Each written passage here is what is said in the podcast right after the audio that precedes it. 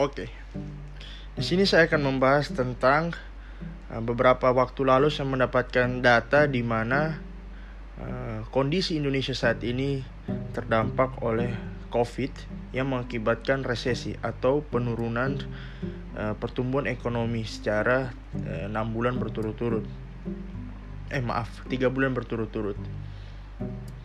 Tapi dari secara keseluruhan dari 33 provinsi ada tiga provinsi yang mengalami pertumbuhan ekonomi di atas bahkan mencapai 6,6 persen. Ada 2,82 persen dan 1,46 persen. Seperti Maluku Utara, Sulawesi Tengah, dan Kalimantan Utara. Sebenarnya ini uh, hal yang menarik Mengapa hanya tiga provinsi ini yang tumbuh ekonominya dibanding dengan eh, provinsi lain? Sulawesi Tengah salah satunya yang saya tekankan tentang kontribusi terbesarnya yaitu eh, dari daerah Morowali di mana kita tahu penghasil nikel terbesar ada di Morowali dengan deposit hingga saat ini eh, belum diketahui jumlahnya dan dipastikan besar dan bahkan melebihi mampu bisa mampu uh, mensuplai kebutuhan baterai ataupun energi terbarukan di masa mendatang. Nikel menjadi produk uh, komposisi dari pembuatan baterai lithium uh, ataupun ion-ion uh, lainnya seperti Tesla yang tertarik dengan Indonesia karena memiliki cadangan nikel yang besar. Dan tentunya lebih mereka ingin lebih mengeksplorasi eh, ataupun membeli lebih banyak nikel di Indonesia. Dengan syarat tentunya barang nikel yang sudah jadi dari hasil pengolahan di smelter. Yang kedua, yang kontribusi kedua untuk uh, ekonomi di Sulawesi Tengah yaitu di daerah Donggala. Donggala merupakan kabupaten di Sulawesi Tengah yang mayoritas uh, ekonominya ataupun terbesar yaitu sumber-sumber dari penambang pertambangan batu seperti batu pecah, batu kerikil, batu pasir, pasir batu kerikil yang digunakan untuk mengolah uh, semen, beton, ataupun jalan untuk jembatan.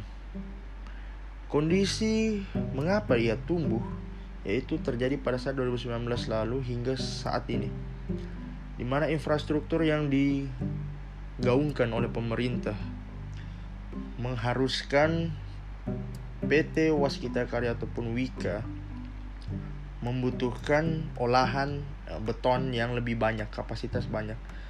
Salah satu komposisi beton yaitu batu, dan pasir. Dan yang terbesar salah satunya yaitu di Sulawesi Tengah.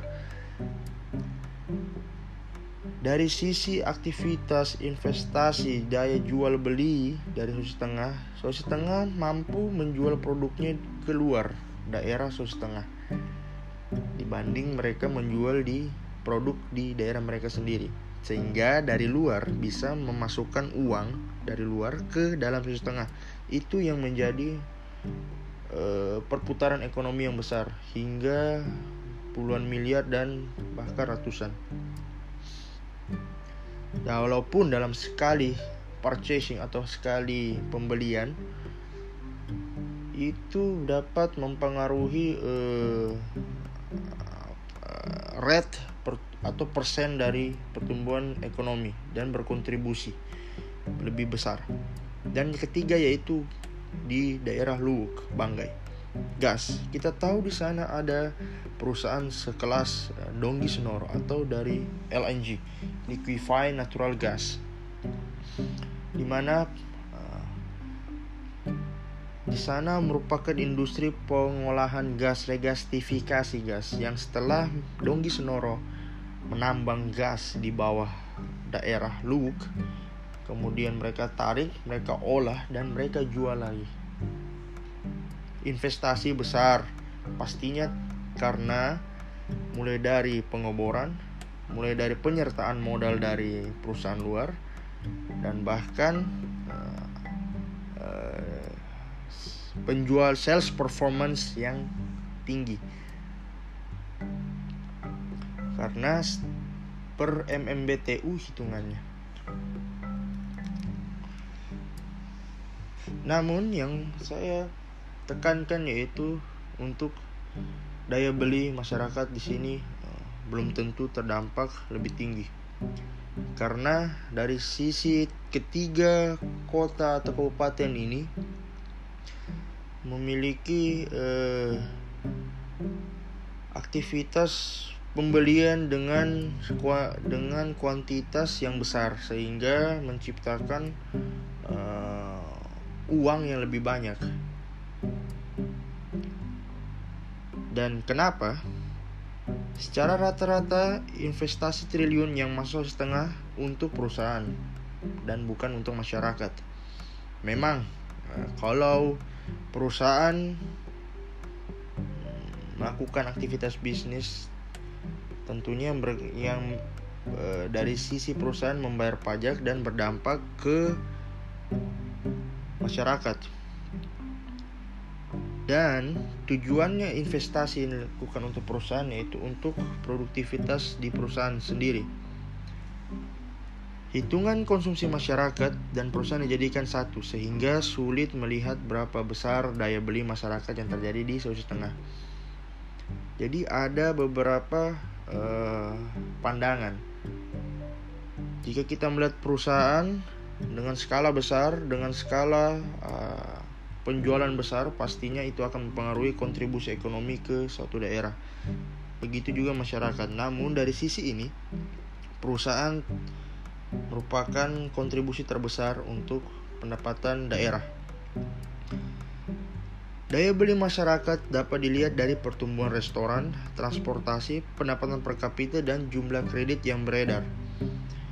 Dengan tanda kutip, jumlah kredit yang beredar tidak macet, tapi semuanya lancar. Sehingga dapat dilihat, jika kredit lancar, bayar pembayaran kredit lancar, itu bisa mengindikasikan bahwa cash flow yang ada di masyarakat ataupun pendapatan diterima oleh masyarakat secara berurutan atau secara beriringan pasti bagus. Adanya uh, supply dan demand yang terjadi di lingkungan masyarakat. Dan itu mempengaruhi daya beli uh, untuk masyarakat seperti UMKM ataupun dari sisi uh, di luar perusahaan. Mengapa? Karena dikarenakan investasi dan pendapatan perusahaan yang dikenakan pajak langsung masuk ke kas pemerintah Pemerintah perusahaan melakukan investasi.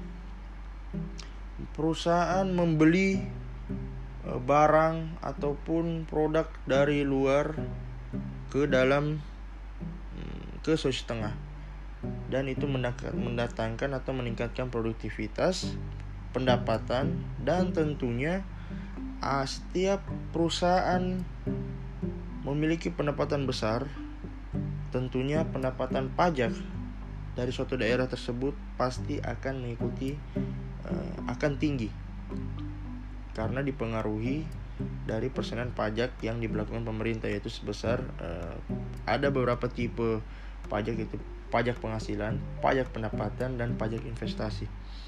Itu sebenarnya dari tiga itu yang bisa mempengaruhi uh, kontribusi ekonomi ataupun kesejahteraan di masyarakat. Dan ketika kita tahu perusahaan melakukan investasi dari lu, uh, dari luar dan mendatangkan investor asing tentunya tidak lepas dari uh, hukum atau legal yang dimiliki oleh perusahaan ataupun suatu negara. Kenapa? Investor pasti membutuhkan kepastian. Investor membutuhkan instrumen-instrumen yang bisa dijaminkan ataupun yang bisa dipastikan uh, kebenarannya. Dan apa itu? Kita tahu yang dan kita dengar yaitu Undang-Undang Cipta Kerja.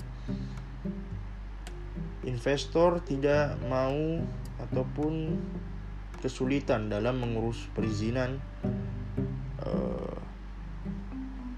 keterbukaan dan uh, kepastian hukum yang ada di Indonesia.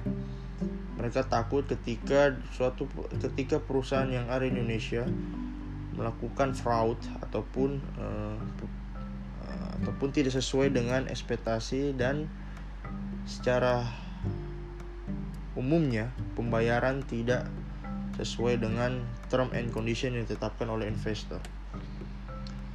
Dan secara umum positifnya yang dapat kita ambil, Undang-Undang Cipta Kerja itu mempercepat, memudahkan, dan memajukan daerah. Mengapa? Ketika investor asing masuk, uang yang beredar semakin lebih banyak di Indonesia ataupun di daerah tersebut dan dapat meningkatkan produktivitas dari sisi human resource-nya, operations, peredaran uang ataupun sumber-sumber pendapatan baru akan didapatkan oleh masyarakat. Lapangan kerja eh, lingkungan ekonomi yang lebih baik karena setiap perusahaan pasti contohnya saja perusahaan di bank mendatangkan karyawan. Karyawan perusahaan membangun lagi mes. Dan itu bahkan ribuan karyawan bisa tinggal di situ. Dan masyarakat dan lingkungan tersebut dikelilingi oleh masyarakat. Masyarakat tentunya akan melakukan atau aktivitas bisnis seperti membuat uh, usaha UMKM ataupun hal-hal ekonomi sebagai pendukung dari uh, aktivitas sehari-hari dari pekerja dan karyawan di perusahaan itu sendiri.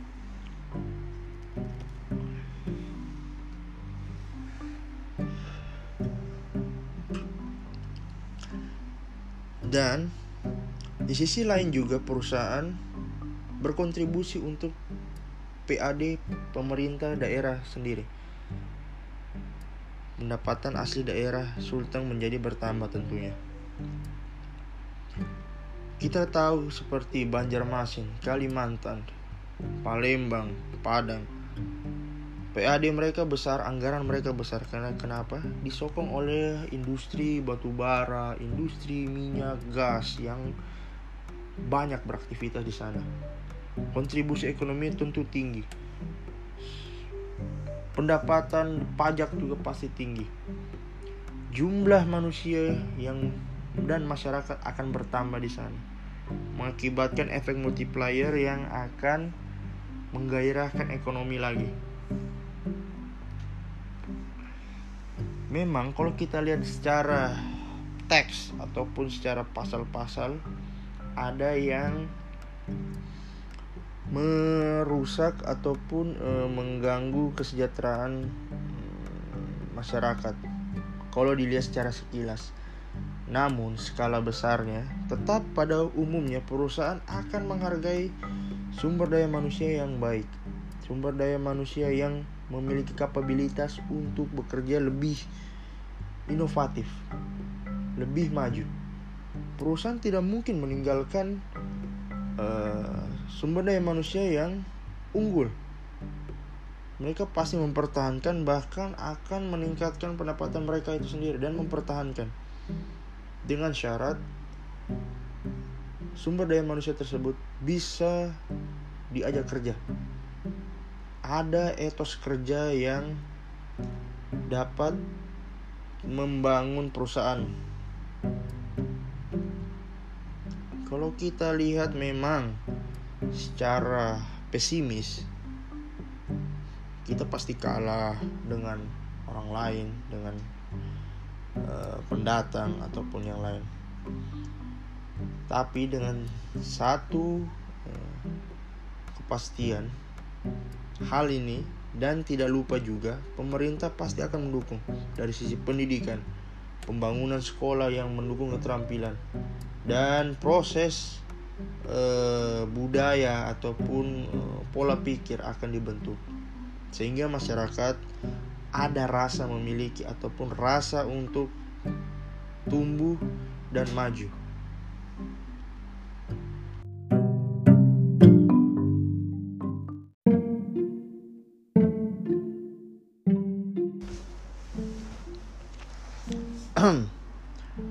Undang-undang Cipta Kerja.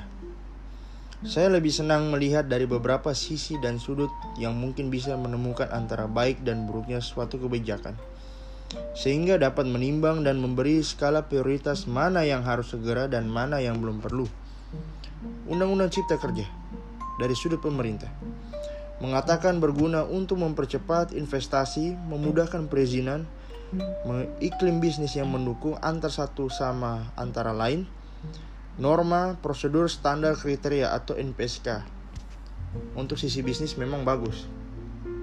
Baik untuk culture, financial, dan strategi. Perusahaan dapat lebih fleksibel dalam organisasi yang lebih lincah dalam berinovasi. Cash flow yang teratur, dan strategi adaptasi zaman di masa mendatang yang lebih terukur based on research and data. Tujuannya apa? Iklim investasi cash flow dan sustainability bisnis cenderung kuat dan berkepanjangan. Mengapa? Karena dari sisi internal manajemen perusahaan bertransformasi secara fundamentalnya, secara mendasar. Secara kita tahu, saat ini COVID-19 merontokkan cash flow dan merusak uh, rancangan kinerja di masa mendatang perusahaan dan bahkan mempengaruhi demand dan supply pada perusahaan, pada produk perusahaan. Perusahaan takut akan kepastian di masa depan. Kompetisi semakin ketat, bisnis model baru, konsumen banyak beralih, sehingga perusahaan mengharuskan perusahaan yang sudah lama berdiri untuk memperbaiki internalnya, mulai dari cash flow, beban biaya, dan strateginya dan pastinya perusahaan akan mengorbankan operations serta human resource-nya. Inilah mengapa Undang-Undang Cipta Kerja menjadi rame. Human resource yang yang menjadi uh, point of view dari Undang-Undang Cipta Kerja seperti hak gaji, kompensasi, waktu kerja, libur, masa kerja, serta hak pegawai kontrak berbeda dengan pegawai tetap karena berbeda vendor perusahaan, beda juga aturannya. Di sini mulai kelihatan mana yang menjadi prioritas dan perlu segera diperbaiki. Perusahaan tidak berani semena-mena mengatur hak pekerja karena ada aturan yang saling memayungi aturan tersebut. Pastinya, perusahaan buat aturan, pemerintah buat aturan juga untuk menjaga hak masyarakat. Pemerintah di sini melindungi masyarakat. Pastinya. Tapi di sini perusahaan geram dan kesal. Ada pro dan kontra. Ya, ibarat kata, pengusaha bikin perusahaan tunduk aturan di Republik Indonesia dan perusahaan mengeluh. Sekarang pendapatan saya menurun. Kredit macet depan mata, belum lagi ditambah pesaing baru, bisnis-bisnis model baru, model-model dari digital uh, bisnis yang bisa mempengaruhi permintaan barang saya. Permintaan barang pada perusahaan saya makin dikit. 1 sampai 2 tahun saya bisa gulung tikar nih. Akhirnya pemerintah bilang, "Loh, jangan jangan loh. Jangan. Kamu jangan gulung tikar. Karyawanmu nanti kerja apa?" Jutaan orang bakal menganggur masa gue yang nanggung makan? Gue juga mau makan apa kalau pajak kalian gak setor lagi? Udahlah jadi gimana nih enaknya? Akhirnya pemerintah dan pengusaha mulai diskusi dan berdebat. Pengusaha bilang ya udah gue revisi gue revisi aturan. Beban biaya gue banyak nih. Bang bakal ambruk nih kalau gue nggak bayar kredit. Pajak juga pajak juga. Gue nggak bisa bayar nih sama pemerintah kita sama-sama butuh duit nih supaya semuanya jalan. Pemerintah bilang ya udah aturan kayak gimana yang lo mau? Kita bahas ya. Kita bilang ini uh, omnibus law. Satu aturan bisa memperbaiki semua masalah kita. Biar kita nggak menyalahi aturan yang sudah dibuat sebelumnya.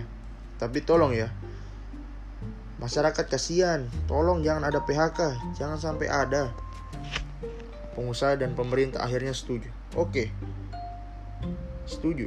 Akhirnya muncullah RUU Omnibus Law dan berubah menjadi Undang-Undang Cipta Kerja seperti yang kita dengar saat ini. memang agak melenceng kelihatannya. Lebih banyak pengurangan biaya operasi, salah satunya yang kena imbas hak karyawan. Karena pada hakikatnya dari operations, komposisi dari operationnya itu human resource. Beban biaya terdi, terjadi pada karyawan, pada pekerja. Ya, secara manusiawi atau secara hak asasi manusia. Memang kita tidak bisa meninggalkan serta-merta hmm, pekerja kita. Tapi perusahaan juga merasa ada kejanggalan atau kerugian yang terjadi pada operations dia yang membuat perusahaan dia tidak bisa dapat lincah lagi di masa mendatang. Akhirnya, salah satu isu penting dalam isu undang-undang cipta kerja yaitu investasi. Perusahaan pasti butuh dana dari luar karena dana dalam dalam negeri tidak akan pasti cukup lah. Kenapa? Aset bank kita berapa? Kebutuhan masyarakat berapa? Kebutuhan pemerintah berapa? Dan pastinya seperti kita ketahui dana dari luar berlimpah. Belum lagi ditambah dengan nilai tukar dolar terhadap rupiah ataupun nilai mata uang asing terhadap rupiah kita. Apalagi orang luar negeri saat ini karena di sana juga bisnis mereka mulai lebih sengit persaingannya. Mereka mulai mencari iklim bisnis yang oke okay, ataupun yang masih bisa lah saya hidup ataupun uh, bersaing ataupun bisa tumbuh. Dan salah satunya di Indonesia. Saat ini Indonesia memiliki sumber daya yang besar pertumbuhan ataupun sumber daya dari uh, Indonesia berlimpah dan dibutuhkan seluruh dunia mulai dari China, Amerika, Inggris, semua butuh bahan baku dari Indonesia untuk membuat produk yang bisa dinikmati masyarakat mereka. Dan akhirnya tok Undang-undang Cipta Kerja muncul. Semua rakyat marah. Hak gue dirampas nih. Gaji gue dikit. Waktu kerja makin lama. Kayak perbudakan dong ini namanya. Pengusaha bilang, udahlah yang penting gak gue PHK deh. Akhirnya ke mana rakyat mengadu? Pastinya pemerintah dan DPR. Di sinilah peran pemerintah. Dana pemerintah habis untuk COVID Ratusan triliun digelontorkan untuk kesehatan, untuk ekonomi, jaminan sosial. Dan intinya, pemerintah nggak mampu lah menanggung makan semua orang di Indonesia ini. Akhirnya rakyat marah. Demo. Gimana nasib kita ini pemerintah? Woi. Sama-sama pusing akhirnya. Cari jalan keluar tapi buntu. Akhirnya kita bikin jalan baru. Undang-undang Cipta Kerja Walaupun rakyat marah, tapi setidaknya gue selamatin deh. Bisa makan dulu kita sama-sama. Pemerintah dan masyarakat dalam kondisi ini sedang menderita. Pemerintah membutuhkan uang lebih besar untuk menghidupkan masyarakatnya agar ekonomi bisa tumbuh dan begitu masyarakat membutuhkan kemudahan ataupun peluang agar masyarakat bisa bergeliat lagi ataupun pemicu yang bisa menumbuhkan keinginan masyarakat untuk berusaha lagi. Akhirnya, gue dukung pembantu ekonomi aja deh, yaitu pengusaha, pemerintah bilang. Biar kita sama-sama bagi kesulitan dan resiko deh.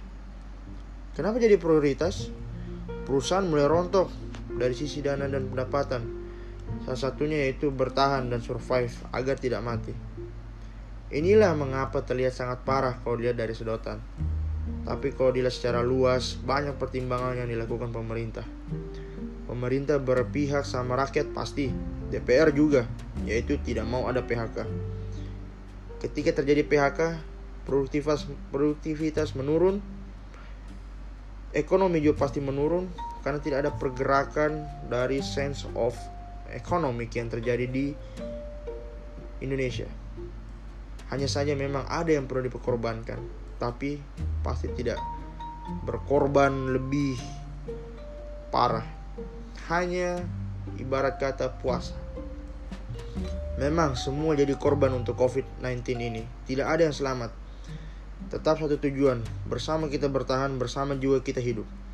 Ada jiwa yang diselamatkan dan ada juga yang jiwa berjuang untuk menyelamatkan jiwa yang lainnya. Terima kasih.